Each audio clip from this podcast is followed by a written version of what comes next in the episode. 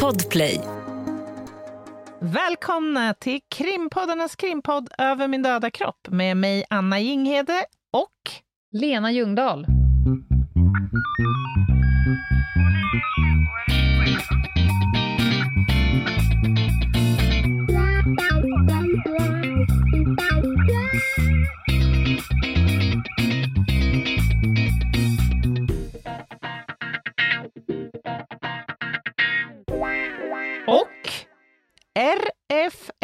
RFSL som idag är vår fantastiska samarbetspartner.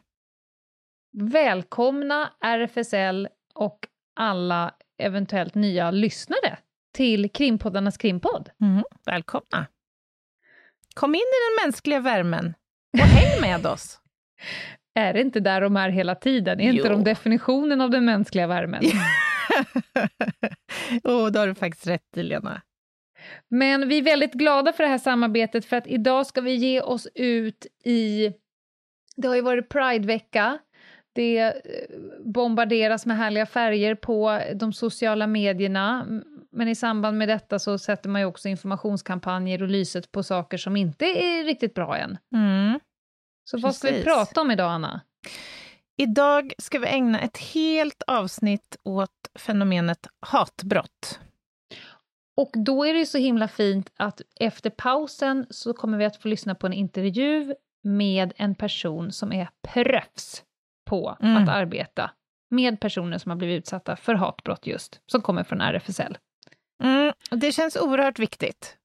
Det här fenomenet är en av vår tids stora farsoter, skulle jag vilja hävda. Mm, För att uttrycka mig lite modernt.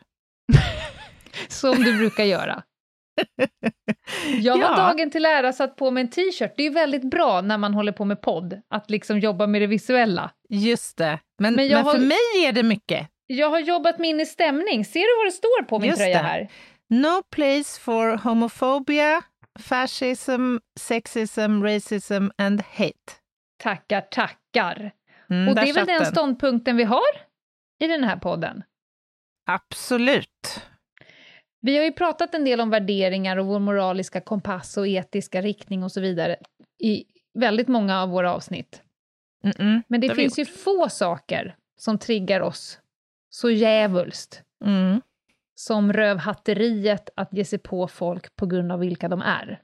Ja. Det är helt sinnessjukt dumt. Säger hon med emfas. Ja, nej, men jag håller med dig. Det här är viktigt. Men ska vi börja med att prata lite grann om eh, vad det här omfattar, begreppet hatbrott? Ja, eh, det är ju ett samlingsnamn på olika brott, och jag ska gå in på juridiken senare, men brott som begås på grund av att gärningspersonen, den som begår brottet, har någon form av negativ inställning till någon på Mm. grund av till exempel den personens hudfärg, vad den tror på för religion, vad den har för sexuell läggning och så vidare. Det här är ju Mm. liksom ett, ett automatiskt brott mot de mä- mänskliga rättigheterna, alltså principen av att alla människor är lika värda. Mm. Mm. Och man kan väl säga att den här eh, definitionen av hatbrott varierar ju väldigt mycket mellan olika länder. Alltså det finns inte en unison internationellt vedertagen definition. Och det beror ju på att man betraktar olika typer av sårbara grupper som eh, omfattandes av begreppet i olika delar av, av världen. Mm. Och vi har väl kommit lite längre där, för i vissa länder är det faktiskt fortfarande olagligt att vara till exempel homosexuell. Ja, så det det i sig är ett brott. Men Mm. jag ska säga att den, de här hatbrotten är, är också det jag kallar för dubbelt värdelösa brott. Mhm, berätta, hur, hur menar du då? Jag tänker så här, att dels är det ju värdelöst för den som är drabbad, Mm. den som är utsatt. Men jag tänker också att varje gång en utsatt person, eh, alltså varje gång någon drabbas av det, så drabbas också sekundärt alla andra som tillhör den gruppen. Alltså det ökar Ja, ja, på visst. oron, otryggheten. Alltså jag minns till exempel när jag gick i skolan på 90-talet, då var Mm. det ju de här VAM, Mm. de som for runt. VAM-töntarna. Kan vi kalla dem det? Vad sa du? Kan vi kalla dem det? Det, Kort och det gott. kan vi göra. Men de som skulle, jag citerar, knacka bögar. Ja, Och, och också inte, gjorde det. Jag också gjorde det. Ehm, det här eh, var ju vidrigt och fruktansvärt för de som blir drabbade, händer ju än idag. Men för, det var ju också, för det märkte jag på mina klasskamrater, Mm. det var ju så himla vidrigt för de som tillhörde, de var liksom rädda hela tiden för att fenomenet fanns. Så att det liksom drabbar gruppen så hårt varje gång Mm. det händer någon annan. Ja, men alltså de här brotten eh, jämställs ju faktiskt emellanåt med terrorbrott. Ja. Av, av, på grund av att de delar den egenskapen. Att Mm. det här hatet ska riktas mot en hel grupp eller till och med en hel Mm. befolkning. Ja, exakt. Och, och det du också säger, för ett av rekvisiten för att det ska bli ett terrorbrott är att det ska injaga fruktan i en hel befolkning, och det är ju precis det det gör, även om Mm. det kan vara en del av en befolkning. Mm. Ja, men hur ser det ut då, Anna? Har du, har du något? Du brukar ju börja så fint och ta med oss ut på en liten resa. Ja, har du packat lilla packsäcken? Packsäcken också! Ja, packa, packa, packsäck. Packa pappas kappsäck. Där Ja. fick jag till det. Nu åker vi. Nu åker vi. Vi kommer återkomma lite grann till eh, lagstiftningen, men begreppet hatbrott och en straffskärpning som du kommer berätta lite om infördes faktiskt i Sverige först på 90-talet. Eh, men det var ju långt innan dess som vi hade problem med främlingsfientlighet i det här landet. Mm. Och det är där eh, hatbrottsbegreppet egentligen har sina rötter. Ehm, och då ska vi tillbaka ända till 40-talet. I slutet på 40-talet då lagen om hets mot folkgrupp inrättades. Eh, och den här lagen kom ju till då efter andra världskriget för att skydda mot de här antisemitiska eller förlåt, antisemitiska vindarna som liksom for över inte bara Sverige utan en stor del av Europa då Mm. efter Hitlers eh, förintelseverksamhet, om man får säga så. Och det här har ju då kontinuerligt sen utvidgats till att omfatta eh, andra grupper i termer då av ras, hudfärg, nationellt eller eh, etniskt eh, ursprung. Mm. Eh, trosbekännelse var du inne på, men också sexuell eh, läggning. Jag, in, jag nämnde det här med att begrepp, hatbrottsbegreppet och den här straff, straffskärpningen eh, instiftades på 90-talet i Sverige. Och här var man influerad av jänkarna.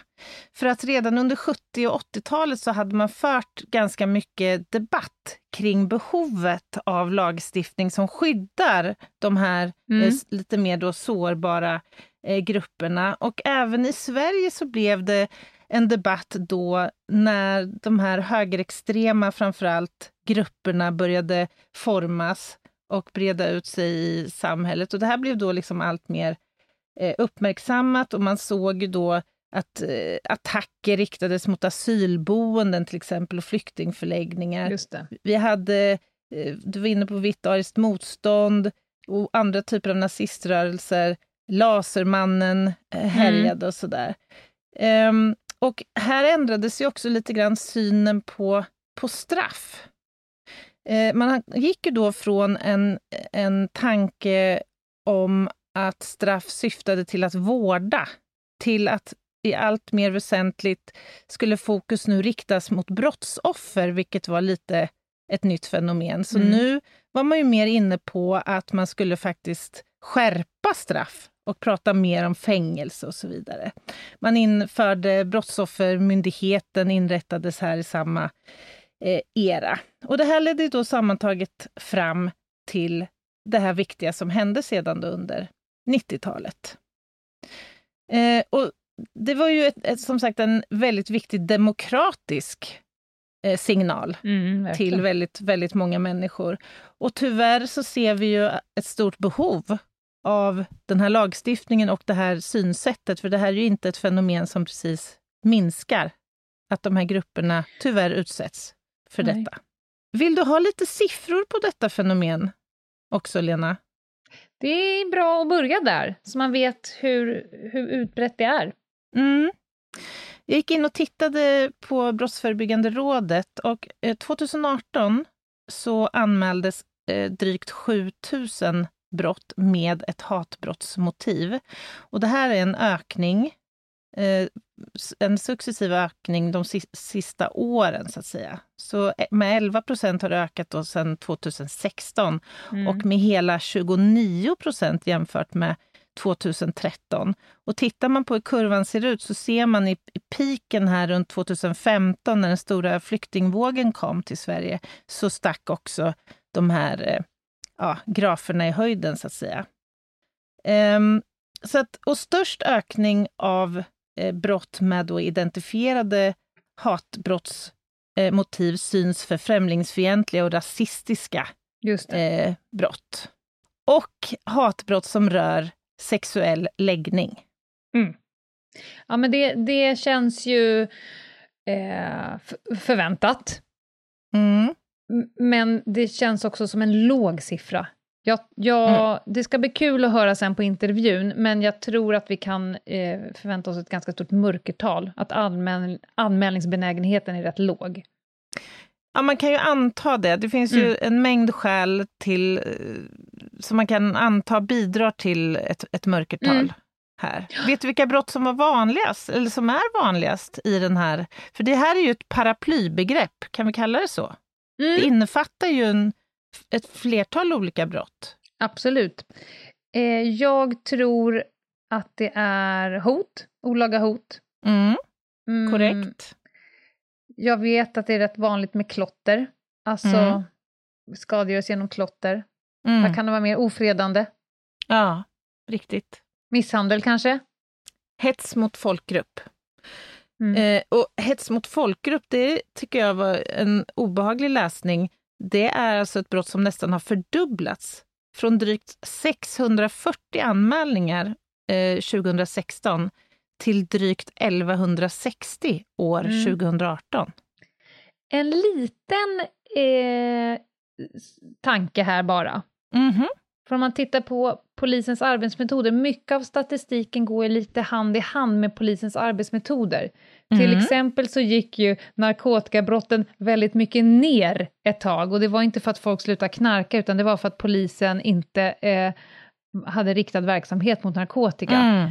Och att det här går upp så mycket kan ju dels ha att göra med att det sker fler brott, men det kan mm. också vara så att polisen har ändrat sina arbetsmetoder, utbildat fler personer och att man liksom är duktigare på att ta upp de här anmälningarna. Det kan gå lite hand i hand, tänker jag. Absolut. Hur man alltså statistik är ju alltid mm. vanskligt på det sättet. Man måste förhålla sig till det med viss varsamhet. Mm. Men du, juridiken då? Kan du inte berätta lite vad du har på hatbrott?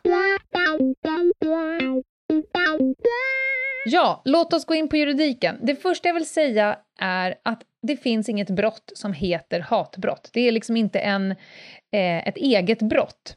Däremot så finns det två stycken brott som är olika typer av hatbrott och det är det du har nämnt, hets mot folkgrupp är ett rena. Mm. Ska, ska jag dra harangen så folk får veta vad hets mot folkgrupp är? Ja, det tycker jag. Gör det. Det står så här. Det är alltså brottsbalkens 16 kapitel 8 paragrafen. Den som i ett uttalande eller i ett annat meddelande som sprids, där har vi ett rekvisit ska spridas, mm. hotar eller uttrycker missaktning för en folkgrupp eller en annan sådan grupp av personer med anspelning på, och nu kommer lite uppradat här då, mm. saker man ska ge fan i att kommentera helt enkelt. Mm. Ras, hudfärg, nationellt eller etniskt ursprung, trosbekännelse, sexuell läggning, könsöverskridande identitet eller uttryck, döms för hets mot folkgrupp till fängelse i högst två år eller om brott är ringa till böter. Och så finns det ju såklart också en grov variant med, med högre straff. Mm. Då är det hets mot folkgrupp. Mm.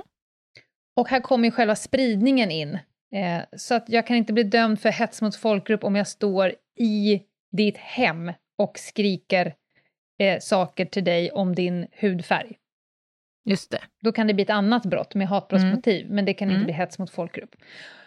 Och ett annat hatbrott är också den här olaga diskrimineringen, och då läser jag den också. En näringsidkare som i sin verksamhet diskriminerar någon på grund av ras, hudfärg, nationellt eller etniskt ursprung, trosbekännelse, sexuell läggning, könsöverskridande identitet eller uttryck genom att inte eh, gå personen till handa på de villkor som näringsidkaren i sin verksamhet tillämpar i förhållande till andra. Det vill säga om du inte får samma sak som alla andra på Mm. grund av någon av de här eh, uppradade, då är det Just olaga det. diskriminering. Men du, sen, sen, vi pratar ju här om klotter och skadegörelse. Är det också hatbrott, eller hur funkar det med dem då? Där är ju liksom, de är ju egna brott, men då kan man eh, helt enkelt göra sig skyldig till, vi ska vi ta klotter då, Mm. skadegörelse genom klotter.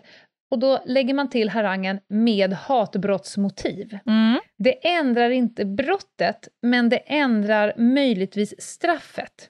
Mm. För då kommer den här straffskärpningsregeln. Så att, ehm, om vi tar till exempel Anton Lundin Pettersson, Mm. han som gick in på Kronans skola i Trollhättan och högg ihjäl människor med sitt svärd. Mm. Där bollade man ju fram och tillbaka huruvida det där var terrorbrott eller vad det var nu för någonting. Och då avslutar han, nu eh, sköts ju han ihjäl, men man kollar ju ändå skuldfrågan. Eh, och då kom man ju fram till att det var mord med hatbrottsmotiv. Grov misshandel Mm. med hatbrottsmotiv. Och vad säger det där egentligen? Jo, det säger att om han hade överlevt så hade han fått ett högre straff troligen, Mm. på grund av att mordet hade hatbrottsmotiv. Och då, det hittar vi nu i brottsbalkens 29 kapitel, andra paragraf. Punkt 7, det finns då massa punkter i när ett straff kan skärpas, och det här är då en av punkterna. Mm. Som försvårande omständighet vid bedömningen av straffvärdet ska, vid sidan av vad som gäller för varje särskild brottstyp, särskilt beaktas. Mm. Om ett motiv för brottet varit att kränka en person, en folkgrupp eller en annan sådan grupp av personer på grund av ras, hudfärg, nationellt eller etniskt ursprung, trosbekännelse, sexuell läggning, könsöverskridande identitet, uttryck eller annan liknande omständighet. Det är ju samma sak igen som vi känner igen från de andra hatbrotten, men det man säger är Gör du ett sånt här brott och utredningen, alltså det du har uttryckt, det vi hittar i utredningen, bevis, kameror, vittnesmål och så vidare, går att bevisa att du gjorde det här på grund av ett hatbrottsmotiv, då kommer du också få ett högre straff. Mm. Rimligt. Mycket. Bra paragraf, Ja. kan jag känna. Mm. Och de här ärendena är åklagarledda. Ibland är det ju polisen som eh, leder utredning, men det här är åklagarlett och du har också rätt till eh, målsägande beträde. Mm. Då anmäler man den, eh, det till åklagaren som går till rätten och så är det domstolen som beslutar om du får det. Mm. Mm. Det, var, det var juridiken bakom det hela. Mm. Det var det. När du gick eh, polisutbildningen, Mm. hade du utbildning i det här då? Jag skulle säga att den var rätt dassig. Mm. Vi pratar ju 21 år sedan. Mm. Mm. Eh, självklart hade man ju, alltså inte specifikt, nu vet jag att man har hatbrottskursen, det var ju den som Meta Broddare, vår poddkompis, var chef för när vi var Mm, lärare mm. på polisskolan. Då var hon che- chef hon över hatbrottskursen. Eh, så nu ingår ju det i polisens grundutbildning på liksom ett väldigt specifikt sätt, vilket det inte Mm. gjorde på min tid. Hur var det när du gick? För du är mitt emellan. Ja, nej, men vi hade, eh, vi hade utbildning eh, på det, så att säga. Och, och en sak, en särskilt viktig del som jag bär med mig från denna var den lilla, lilla rutan i RAR, Mm. i anmälningssystemet. Ja. Kommer du ihåg? Den, ja, den kommer jag ihåg och den, den har kommit till sen jag blev polis. Mm. Helt plötsligt så fanns det en liten ruta och den rutan betyder att du kommer helt enkelt inte kunna klicka dig vidare i ett anmälningsupptagningsförfarande. Säg det tre gånger snabbt. Ja. Eh, med mindre att du har ställt frågan kan du ha blivit utsatt Mm. för det här brottet på grund av hatbrottsmotiv eller att jag som polis eh, tänker det kan finnas ett hatbrottsmotiv. Då kryssar man helt enkelt i den här rutan. Så man måste svara på den. Kan Mm. det ha det eller kan det inte ha det? Ja, den är tvingande och det är ju jättebra. Och Mm. samtidigt så undrar jag ibland om det kan finnas en grund för ett mörkertal här.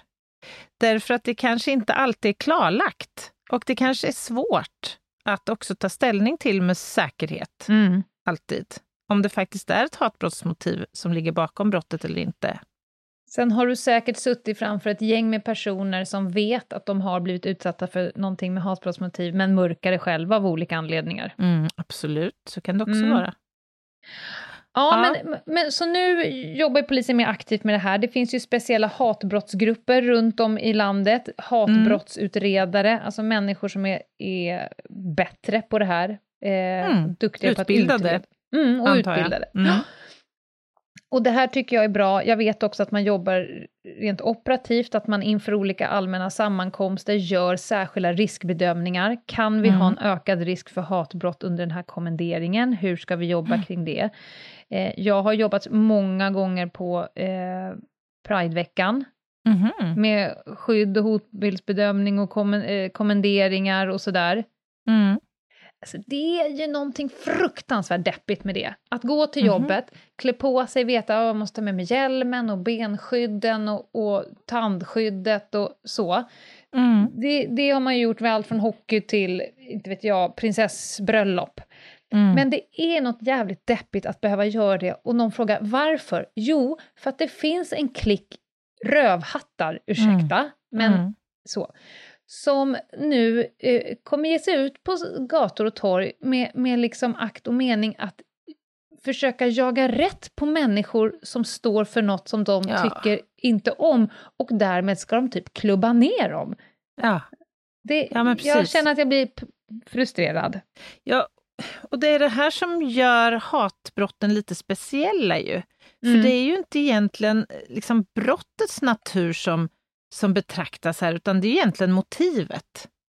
Mm. Alltså, man, man brukar ta, tala om target violence eh, i kontexten hatbrott. Alltså mm. att när man gör då en, en individ eller en hel grupp människor till targets, till måltavlor, mm. utifrån då deras etnicitet eller religionstillhörighet, ja. sexuella lä läggning eller vad det nu kan, kan vara. Alltså det är inte själva individen egentligen som är intressant för de här förövarna.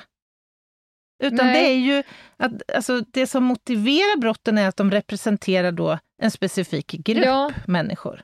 Och tänk något så djävulskt kränkande att vara en person inifrån och ut, uppifrån och ner, känna något, vara något, tillhöra något och veta att när jag går utanför min dörr, då måste jag dölja det eller eh, hålla undan det, jag kanske till och med måste ljuga om någon frågar mig eh, så, för att inte liksom bli drabbad. Alltså mm. för den jag är. Alltså fruktansvärt. Ja, nej, det är ett jävla ovett. Mm. Eh, låt oss lugna ner oss lite med en paus. Oh, tack. Ett poddtips från Podplay. I podden Något Kaiko garanterar östgötarna Brutti och jag, Davva, dig en stor dos skratt. Där följer jag pladask för köttätandet igen. Man är lite som en jävla vampyr. Man har fått lite blodsmak och då måste man ha mer. Udda spaningar, fängslande anekdoter och en och annan arg rant. Jag måste ha mitt kaffe på morgonen för annars är jag ingen trevlig människa. Då är du ingen trevlig människa, punkt. Något kajko, hör du på podplay. Därför är gardinerna. Ett poddtips från Podplay. I podden Något kajko garanterar östgötarna Brutti och jag, Davva, dig en stor dos skratt. Där följer jag pladask för köttätandet igen. Man är lite som en jävla vampyr. Man har fått lite blodsmak och då måste man ha mer. Udda spaningar, fängslande anekdoter och en och annan arg rant. Jag måste ha mitt kaffe på morgonen för annars är jag ingen trevlig människa. Då är du ingen trevlig människa, punkt. Något kajko, hör du på podplay. Därför är gardinerna. Välkomna tillbaka! Ni lyssnar på avsnitt 160 av krimpoddarnas krimpodd och idag pratar vi om hatbrott. Och nu Lena är jag superspänd på att höra intervjun som du har hållit med Kina. Kina Sjöström. Hon är ju kurator på en RFSL-mottagning, stämmer det? Det stämmer helt. Eh, och det var en intressant intervju och jag känner bara en djup ödmjukhet och tacksamhet, vilket eh, jädra viktigt jobb de gör. Mm. Låt oss lyssna. Verkligen. Då sitter jag återigen i Podplays eh, studio. Nybyggt och tjusigt må jag säga. Eh, och en ny intressant och spännande gäst sitter framför mig. Hon ska snart få presentera sig själv.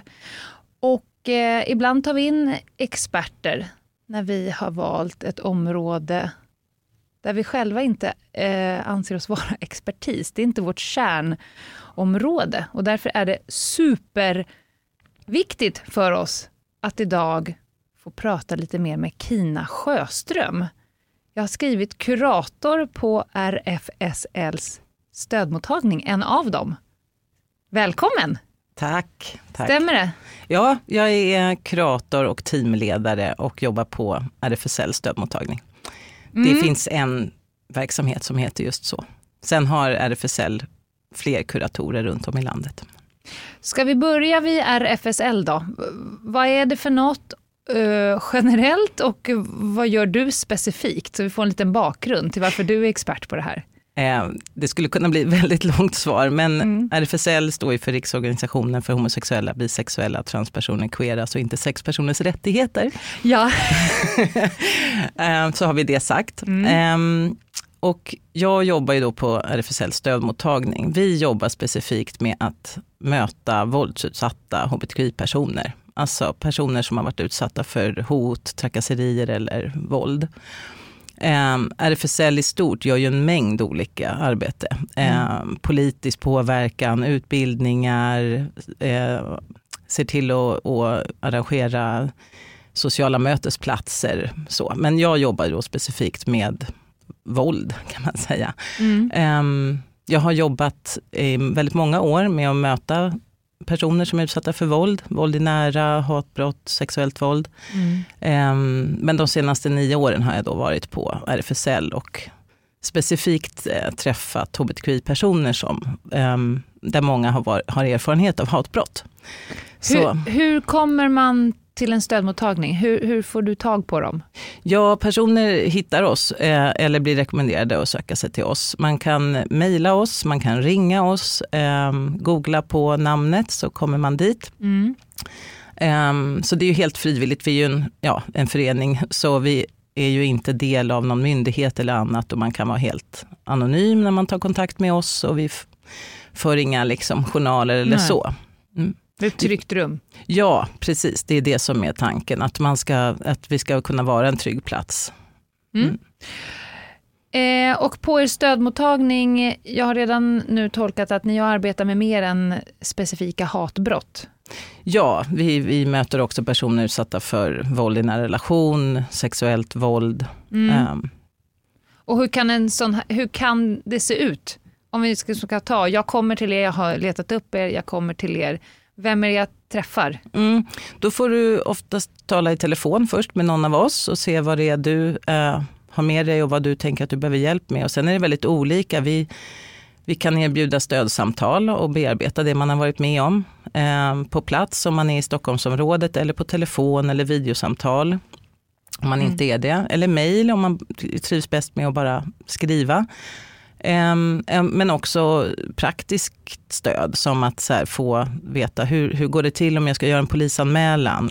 Vi kanske följer med, hjälper till att ta kontakt med socialtjänsten. Så en klassisk kuratorsroll så. Mm. Och, ni har haft Brottsofferjouren här tidigare mm. som gäster och vi fungerar ju på vissa sätt ganska likt liksom en brottsofferjour. Mm. Och jag hörde där av ditt svar att du behöver inte ha gjort en polisanmälan för att få komma till er. Nej, absolut inte. Det kan vara något och du behöver inte, det är inget som vi, alltså vi kan ju berätta om hur det går till och, och eh, stödja i att göra. Men är det någon som inte vill göra en polisanmälan så, så eh, pressar vi inte någon att göra mm. det. Sista praktiska frågorna. Finns ni i hela Sverige och finns det tillgång till tolk? Eh, bra fråga. Ja, vi är en nationell verksamhet. Ja. Um, men vi, vi um, skulle behöva vara ännu större och fler för att kunna möta alla hbtqi-personer som är utsatta för hot och trakasserier och våld. Mm. Men um, ja, och vi kan, uh, ja, vi har en möjlighet att boka tolk. Så det mm. en... Bra. Men ska vi gå in på det här med hatbrotten då? Vi eh, pratade innan pausen om hatbrott, att det skulle vara ett brott mot mänskliga rättigheter. Alltså det, det går ju emot den här tanken på att alla är lika mycket värda. Eh, hur, hur, ser du på definitionen? Vi har definierat hatbrott eh, utifrån litteraturen och utifrån polisiärt och juridiskt, men hur, hur definierar ni hatbrott? Ja, det, är ju, det, det, finns ju ingen enhetlig definition, så det är ju liksom lite klurigt. Men jag håller med om att man kan alltså att se det som ett brott mot mänskliga rättigheter. Att, att vara utsatt bara för att jag är den jag är eh, och eh, att inte ha liksom, eh, inte möjlighet att vara sig själv eller vara trygg mm. som den man är. Vi kikade lite på statistiken. Vi gick till Brå helt enkelt. Eh, och den har ju, det växer ju Alltså det ökar eh, brotten kopplat då till hatbrottsmotiv. Eh, då var vi ju inne på lite olika förklaringsmodeller. Kan det, alltså att det har ökat. Är det så att det de facto har ökat? Kan det vara så att polisen har eh, aktivt mer börjat jobba mot det? Eh, är duktigare på att, eh, vi kommer komma in på det, men, men att man är bättre på att eh, identifiera de här motiven.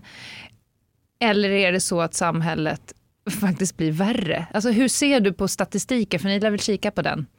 Ja absolut, det gör vi ju. Och det är ju, det är ju jättebra att Brå för den här statistiken. Alltså det är inte heller något självklart eh, om man jämför med andra länder att för sån här noggrann statistik. Men den är ju som ni säkert var inne på bara av, anmälda hatbrott. Mm. Och vi mm. vet att mörkertalet är jättestort. Så att det är jättesvårt att säga något om, om anledningen mm. till, som ja, ska inte upprepa vad du sa, utan med just att om det handlar om en ökning i, i utsatthet eller om det handlar om att folk är lite mer benägna att anmäla. Det, det kan inte vi veta, men vi vet att mörkertalet är jättestort. Eh, Brå försöker ju i, försöker hitta några siffror för det där i sin NTU, nationella trygghetsundersökningen. Eh, där man tittar, alltså, ja, nu kommer jag inte ihåg exakta siffrorna, men det är ju det är jättestort. Och det, mm. Um, jag tänker att ja, det är bra att det ökar, för jag tror att det, jag hoppas att det har att göra med um, att det är fler som vågar anmäla. Ja, det får vi verkligen hoppas. Um, det lät ju konstigt att jag är bra nej, att det nej, ökar. Men, ja, men... Vi förstår, men, men det, vi har varit inne på det här flera gånger i, i podden. Det, det, vi, jag jämförde innan pausen här med narkotikabrotten som under några år gick ner rent statistiskt. Så det har inte att göra med att färre knarkade då utan det var för att polisen inte hade riktad eh, verksamhet mot det. Eh, det är ju bra att folk vågar anmäla. Men jag tänkte om, om du har en känsla utifrån stödmottagningen att ni liksom har mer och mer att göra. Det säger ju en del om hur det egentligen ligger till. Jag förstår. Nej, men jag, ja, jag kan inte Nej. se, utan jag, jag, ser att många av de som kommer till oss har, alltså de flesta hbtqi-personer har någon erfarenhet av någon form av hatbrott. Alltså det mm. behöver ju inte vara alltid så grovt. Det, kan, men alltså de här, det som är vanligast är ju verbala påhopp, alltså olaga hot, kränkningar um, och ibland också då misshandel eller så. Mm. Det är mm. något som de flesta har någon erfarenhet av, eller väldigt många ska jag säga. Ja. Um, så, och, och det är ju många som inte alltså nu, sen så ska vi också nämna att den vanligaste motivet för, för hatbrott är ju främlingsfientliga hatbrott. Och, ja. där, um, och det många vi möter har ju erfarenhet av både och. Liksom, har erfarenhet av, och det kan också vara en kombination av rasistiska och homofoba till exempel. En motiv någon, när någon blir utsatt. Och det, det, är inte alltid lätt att hålla ordning på vilket motiv Nej. hade den här gärningspersonen nu. Men um, så, så jag tänker att många tror, särskilt om vi nu pratar om homofoba eller transfoba hatbrott som, som jag jobbar mest med, så tror jag många har en föreställning om att det är ganska lätt att leva som homosexuell till exempel i Sverige idag. Mm. Och, och jämfört med en, många andra länder så visst, vi, det är inte olagligt. Och, um, men det, det, för, det finns en, alla som tillhör hbtqi-gruppen har en medvetenhet i sig, alltså om att det här är något som kan ske och mm. att det finns en extra vaksamhet på vissa platser eller i vissa sammanhang på att, um, att man kan bli utsatt.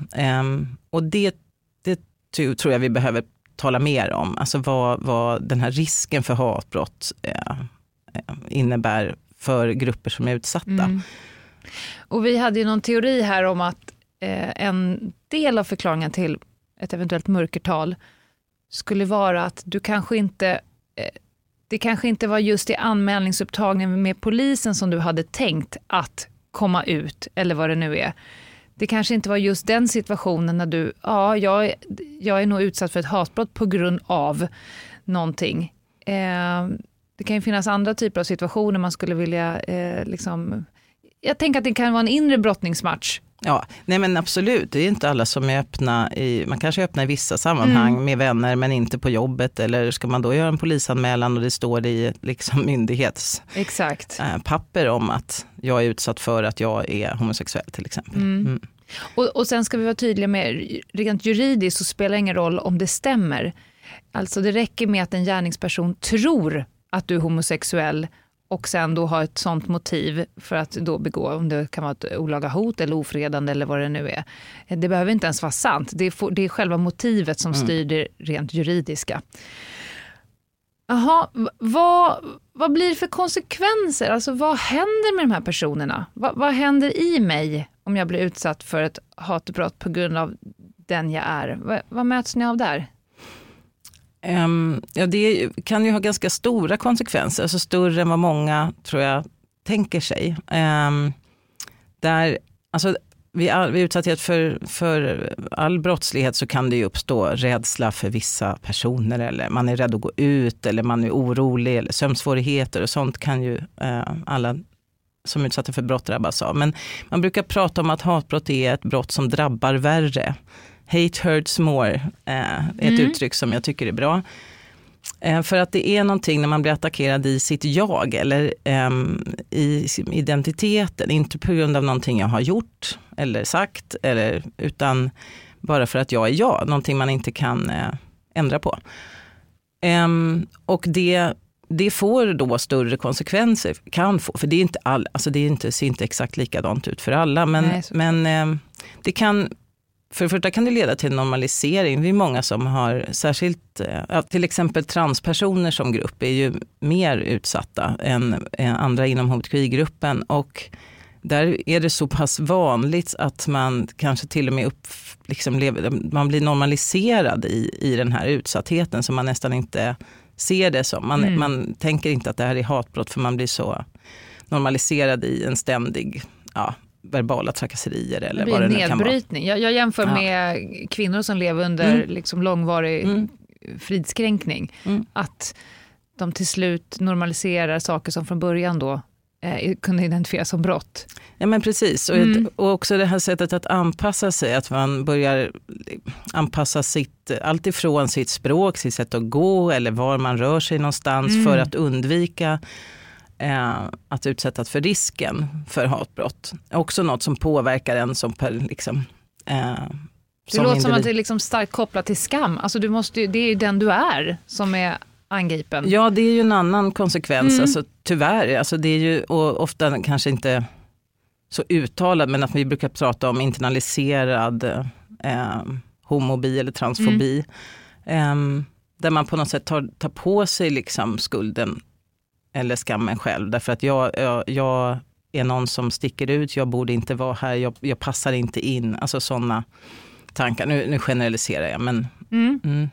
Det, det, får vi göra i den här podden, ja. vi bestämmer själva. Man pratar ju också om att hatbrott är en alldeles särskild typ av utsatthet. Vad, vad menas med det? Nej, men det har ju att göra just med det här att det, att det drabbar kanske på ett annat sätt när det drabbar ens identitet eller jag. Um, och att det också är, uh, som ni har varit inne på, ett, ett budskapsbrott, att det också uh, förmedlar att andra också borde akta sig så att säga. Mm. Um, och det gör ju att, alltså just den där, att man kan ha en liksom ständig medvetenhet och vaksamhet i sig att, att tillhöra en mm. grupp som skulle kunna bli utsatt. Och det, eh, vi brukar prata om minoritetsstress när det gäller utsatta det. grupper och det gäller ju oavsett om det eh, man är utsatt utifrån rasism eller, från, eller som hbtqi-person. Mm. Jag kan berätta en eh, anekdot från alltså egen erfarenhet. Det här var ju då 90, slutet på 90-talet och jag och mina kompisar hade varit på en fest vid Centralen i Stockholm. Och sen skulle vi gå genom Gamla stan till eh, Slussen för att komma till Nackabussen och åka hem.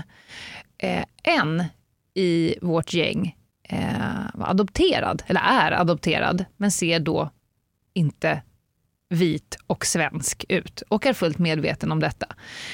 Eh, och han sa när vi kom, när vi hade gått över Tegelbacken och liksom precis ska gå in i Gamla stan, på den tiden, bara för att definiera det här, på den tiden så var Gamla stan, det var liksom allmänt känt att där fanns det mycket nazister och det var väldigt många som blev eh, utsatta för våldsbrott i Gamla stan av nazister om man såg utländsk ut.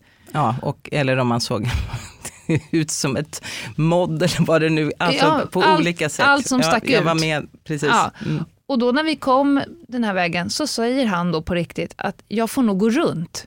Alltså apropå mm. brott mot mänskliga rättigheter, också faktiskt ett demokratiskt brott. Mm. Vi har inskränkt din frihet. Och han hade inte blivit drabbad än, men just vetskapen om, läsa tidningar, vet någon i skolan och så vidare. Så han tänkte på riktigt gå runt Gamla stan mm. och då kanske missa våran nattbuss hem. Medan vi mm. då in, förtjänade inte alls mer frihet än vad han gjorde kunde gå igenom. Och det vart ju ett nej på det, utan då gick vi ju alla runt. Mm. Men, men jag tror att det är liksom det säger så mycket om mm. det här budskapsbrottet, att man skickar budskap till alla som tillhör en grupp.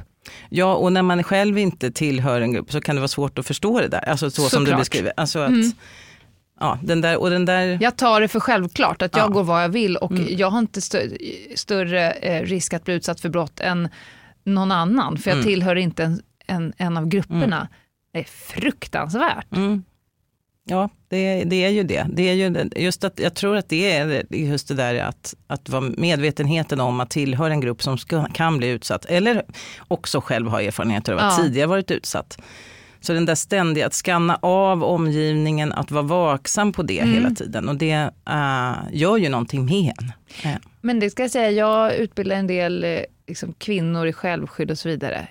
Kvinnor som grupp. Mm jag gör ju också konstant aktiva val. Absolut. Eh, undviker platser, eh, väljer andra vägar, bromsar in, släpper förbi, bedömer människor på ett helt annat sätt mm. kanske än... Nu vet, så självklart finns det ju män som också är utsatta och, och rädda, men, men generellt. Ja, nej men absolut, det är ju samma form av strategi. Jag är också normaliserad ja. i det.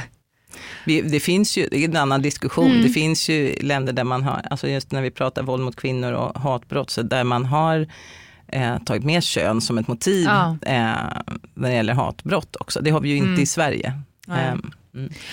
Vad kan man göra nu då? Om någon av våra lyssnare tror sig veta någon som är utsatt för det här eller kanske själv är utsatt för det. Eh, vad ska de göra? Eh, prat, alltså om man nu känner någon som man tror är så här, prata och fråga om mm. det. Också det, eh, därför det är så många som kommer till mig som kanske har varit utsatta i offentlig miljö eh, och som det som sårar mest är faktiskt att folk runt omkring inte gör något, inte ens säger något, inte tittar, mm. vänder sig bort. Så jag tänker, ser man någonting eh, som händer så gå fram till den som är utsatt. Det handlar inte om att ge sig in, om det är något våldsamt så får man ju ringa polisen. Men mm att, att visa att man, inte, att man inte tycker att det är okej. Okay. Och på samma sätt, eh, ja, och, och kanske om man då ser någonting så kan man ju erbjuda sig att vara vittne om det är så att någon vill polisanmäla. Mm. Jag tänk, nu tänkte jag på den här stickersen, var man än går i New York så sitter det stickers i trapporna i tunnelbanan. If you see something, do something. Mm. NYPD. Mm. Det är lite samma sak ja, här, ja, att absolut. inte tysta. Mm. Nej, men jag tror att det är det, som är, man, får, man är rädd och man vill inte lägga sig i och jag vet inte vad det är. Alltså, men ja, tala om det. Ja, det kan väl tämligen inte bli värre. Nej, och, jag tänk, och är man utsatt själv så tror jag också att det nu låter det så här flummigt, vi ska prata om det, men jag tror ju verkligen på att det mm. eh, är det första steget. Och sen kan man då prata med någon om, skulle jag vilja göra en polisanmälan, är det här något som eh, eller, kan jag, eller behöver jag något annat stöd av något slag? Prata med någon på, på ett tryggt sätt, på en trygg plats som, eh, som förstår vad man talar om. Det finns ju, jag menar både vi på RFSL och på brottsofferjourerna så finns det ju kunskap om hatbrott. Mm. Eh, nu vet jag inte om det är en fördom eller vad jag, varför jag känner så här, men är det så att de här grupperna, har de så himla stor tilltro till rättsväsendet? Nej. Alltså jag känner bara det ja. av mina egna möten när jag mm. själv har varit polis. Mm. Att det finns en ganska stor misstro till eh, myndigheternas kapacitet att Absolut. hantera mitt skit. Absolut, vad bra att du tog upp det, för det är något jag gärna vill liksom ja. nämna som an, en av anledningarna till mörkertal och till att man inte polisanmäler är ju att det finns, jag menar vi har Pratar man hbtqi-gruppen så är det inte så väldigt länge sedan som, som gruppen var utsatt av myndigheter. Mm. Eh, och, det, och många har erfarenheter från andra länder eh, som är utsatta. Man Just. ser det inte som en trygg plats att gå till polisen. Mm. Eh, så, så självklart, där finns... Och det, sen är det ju tyvärr, en del har ju också dåliga erfarenheter av att, att man känner att man har blivit dåligt bemött eller alltså inte blivit riktigt tagen på allvar. Um, och, och då kanske man inte gör någon fler polisanmälningar. Nej. Men, och hur funkar ert arbete? Har ni något samarbete med polisen? Utbyte ja, av något slag? Ja, vi, har ju, vi träffar ju till exempel hatbrottsgruppen i Stockholm mm. och andra då och då. Vi, eh, sen också RFSL på nationell nivå har ju möten med polisen på nationell nivå och pratar om till exempel hur, hur eh, eh, alltså kring utbildningar på andra sätt som polisen kan bli bättre på mm. att se och, när hatbrott sker och behandla dem på rätt sätt. Och så så det finns, det finns, eh, det, det finns eh, vi, vi möts. Mm. För det är ju en sån pass viktig del redan vid anmälningsupptagningen att, att som polis leta om man nu ska kryssa i den här rutan som vi pratade om, den är tvingande, man kommer inte förbi den. Att liksom veta vilka frågor man ska mm. ställa mm. och därför är det också så himla viktigt att man eh, som person, om man nu vill gå den vägen, ger de uppgifter. Vad var det som sades? För det är helt omöjligt att lista ut någons motiv om man inte får höra vad var det som sades, hur, när, varför, varför tror du själv? Mm. Eh, så att man är bjussig med informationen där om man är mogen för det. Ja men absolut, och det tänker jag att de flesta som går och gör en anmälan är. Om det, alltså, om mm. man inte, annars anmäler man bara då misshandeln eller vad Exakt. det kan vara.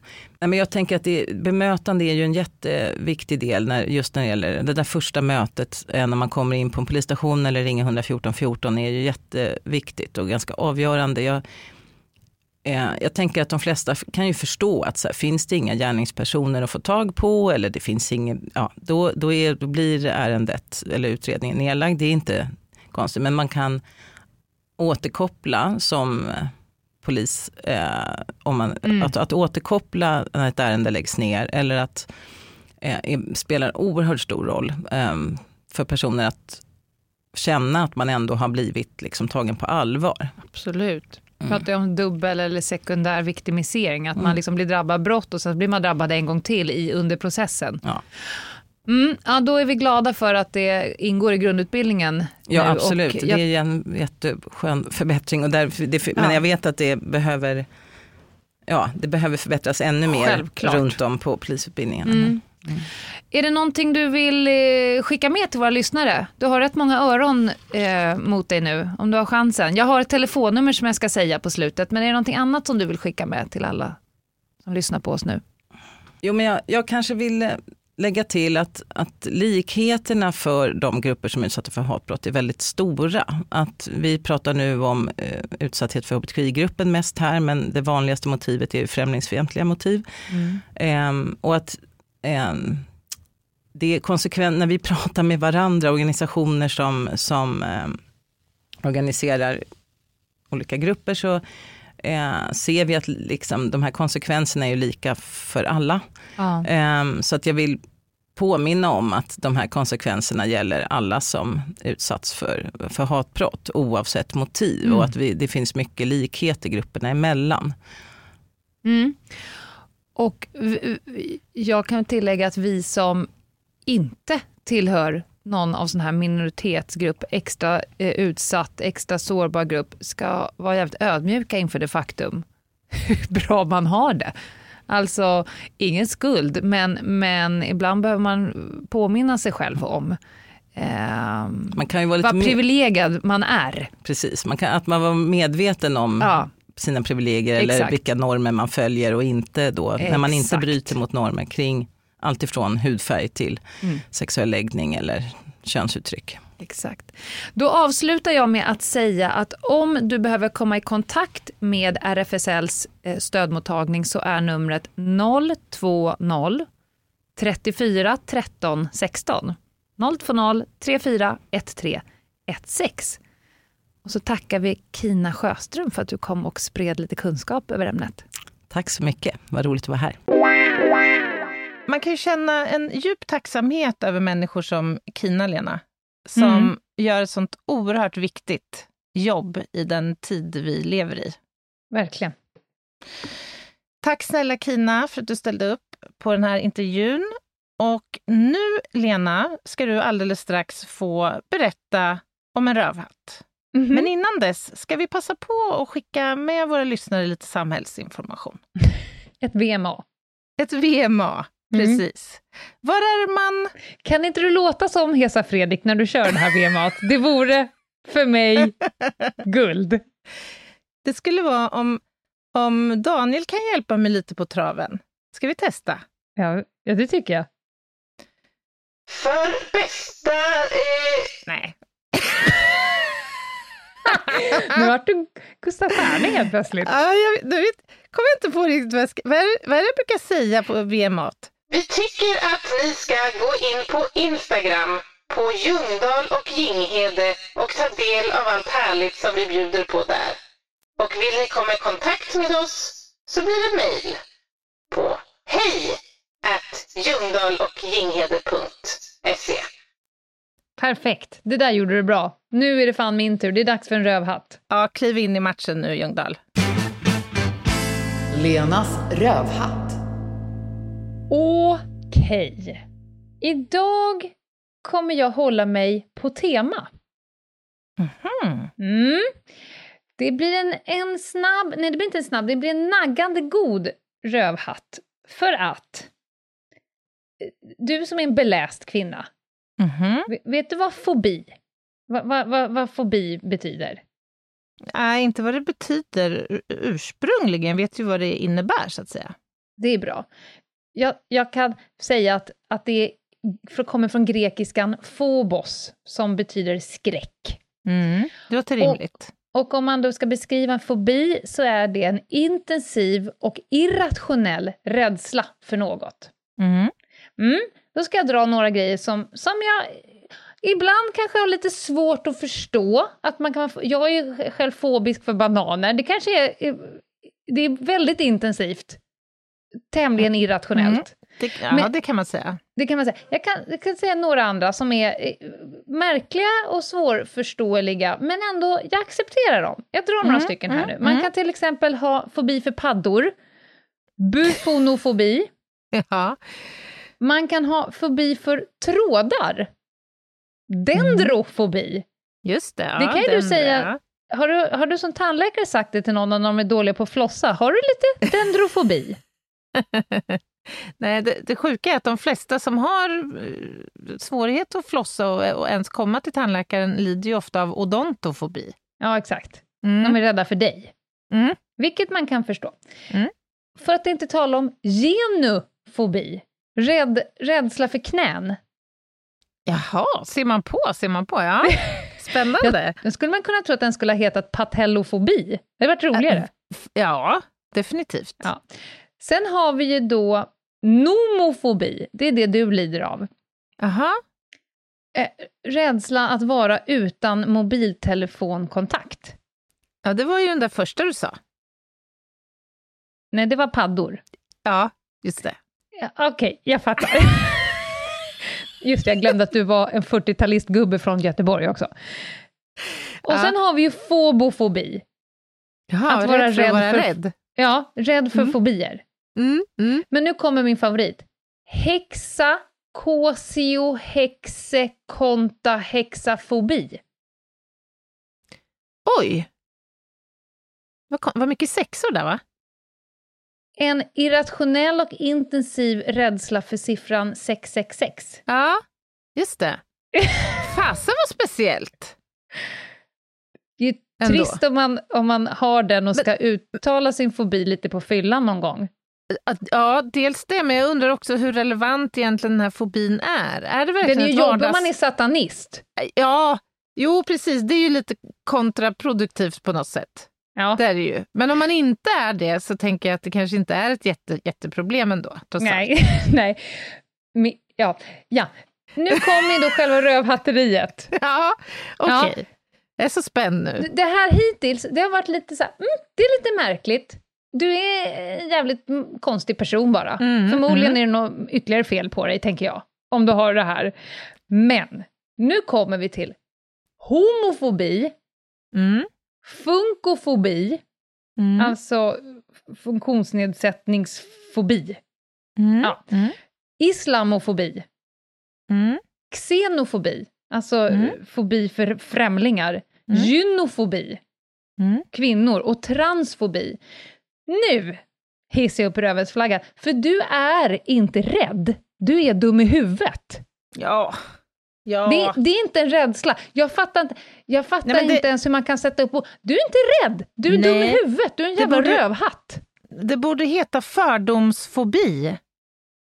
Att du är rädd för fördomar. Nej, nej, men alltså, du kan inte hantera dina fördomar. Det är det som, som Okej. väcker hatet i dig. Fördomshanteringsintolerans. Ja, kanske låter bättre. Jag är fördom.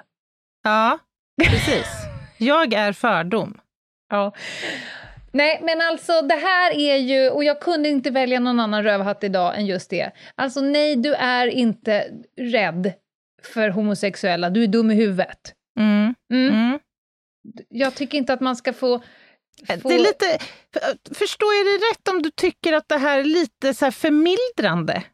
Alltså att, ja, men, att rä, rädsla är någonting som man kan känna sympati för. ja, men lite... Men om rädslan innebär att du är en rövhatt mot Ja, en annan exakt. människa, då är det väldigt svårt att känna sympati för den Exakt. människan ju. Är du verkligen rädd eller är du bara ett as? Mm, mm, Alltså, fobi... Okej, jag kan tänka mig att fobi för kvinnor, ja, där kommer en kvinna och så känner jag bara en irrationell och intensiv eh, rädsla, för att där Mm. kommer en kvinna. mm. Ja, men då tycker jag att då ska du ta den rädslan och så ska du springa och gömma dig varje Mm. gång du ser en kvinna. Det är bättre. Mm. Om du ser en homosexuell och känner oh, vad jag blir fobisk, då, då bestämmer vi att då går du hem och så Ja, men- låser du din dörr från insidan och sen äter Mm. du upp nyckeln Mm. och sen kan du lägga dig som Tutankhamon på marken och tänka som sista grej, jag är en rövhatt. Ja, det, det tycker jag låter som en utomordentligt bra idé. För jag, jag tycker det är så fullkomligt obegripligt hur, Ja. hur man kan rikta hat mot en grupp människor som älskar andra människor. Ja, Alltså, bara, kan vi bara fundera lite det. grann på Smaka på det. ja. Det är så dumt bara så att Ja. jag känner mig nästan, jag får nästan lite handsvett här nu när jag... Ja. Också tänker att på det. hata någon för, för var de kommer ifrån. Fy fan alltså, jag känner sånt hat för dig. Örebro! Ja, Vad, vad ska du hit till Stockholm och göra? precis. Du kan vara där med din svamp. Du och din svamp kan vara där i Örebro. där hör ni hemma. Nej, alltså... ehm, vi utmärker er alla, ni som lyssnar på det här och som lider av gynofobi eller homofobi eller funkofobi. Du får nu... Eh, eh, du kan brodera ett eget emblem, ärkerövhatt. Mm, Och så går vi Ja, vidare i vårt just liv. det. Jag är en ärkerövhatt. Ja, Ja, ja. där har vi något. Så är Mm. det. Och med det inte för minst, man måste fortfarande såklart jobba mot det här, för tyvärr så finns ju de he, överallt. Mm. Ta mig fan. Eh, det var det. Det var den här veckan, Anna. Ja, det var det. Tack för eh, den här rövhattsdragningen. Den var väldigt bra idag, tycker jag. Väldigt tänkvärd. Ja. Häxa, Mycket. kosio, häxe, konta, häxe, fobi. Vi tar det som en liten sorti, allihopa, en gång till. Nej, jag skojar All- bara. Allihopa i kör. Nej, underbart. Hörni, ta hand om varandra där ute. Och sluta aldrig älska varandra. Nej. Och så ses vi på lördag på Instagram, live, kvart över elva. Sätt oss i Det bikupa och diskutera här. ja, det ser jag Ha fram det. emot. Hej då! Bye! Ett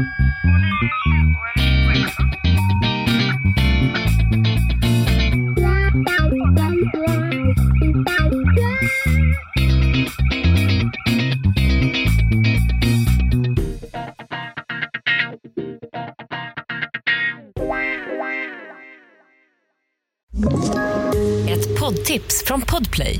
I fallen jag aldrig glömmer djupdyker Hasse Aro i arbetet bakom några av Sveriges mest uppseendeväckande brottsutredningar. Går vi in med hemlig telefonavlyssning och, och då upplever vi att vi får en total förändring av hans beteende. Vad är det som händer nu? Vem är det som läcker? Och så säger han att jag är kriminell, jag har varit kriminell i hela mitt liv men att mörda ett barn, där går min gräns. Nya säsongen av Fallen jag aldrig glömmer på Podplay.